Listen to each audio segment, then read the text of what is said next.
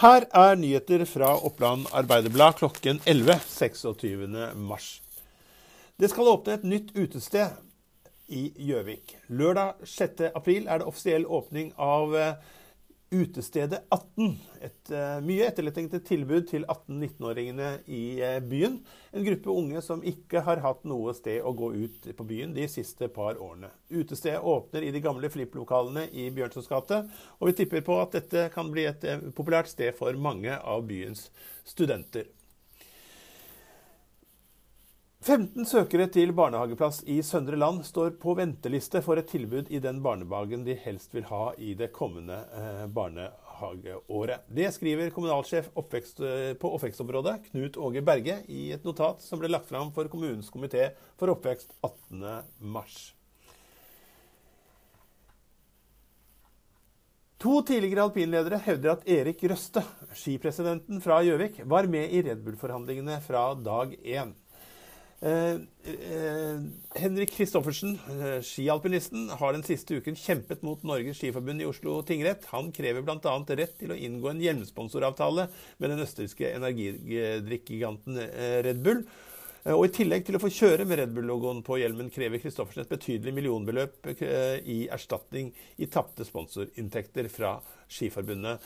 Og nå står eh, skipresidenten i retten for å forklare seg om sin rolle i saken.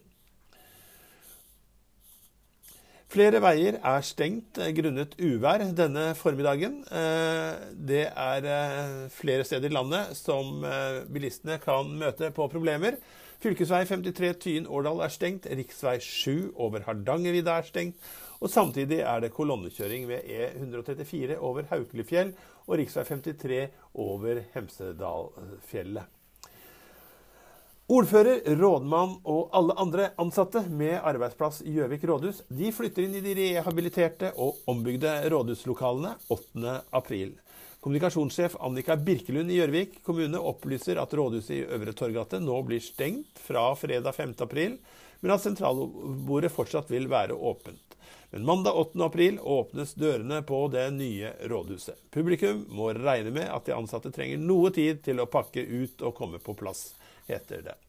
Dette er noen av de nyhetene som har preget eh, Oppland Arbeiderblad på formiddagen, men la oss ta med helt til slutt at det skal bli enklere å melde inn navnet på sitt nyfødte barn, både eh, på Gjøvik og andre steder i landet. Hvert år føres det mellom 50 og 60 000 barn i Norge, og nå kan foreldrene til disse gå inn eh, via skatteetatens nye tjeneste eh, på skatteetaten.no og få registrert navnet sitt på det nyfødte barnet der.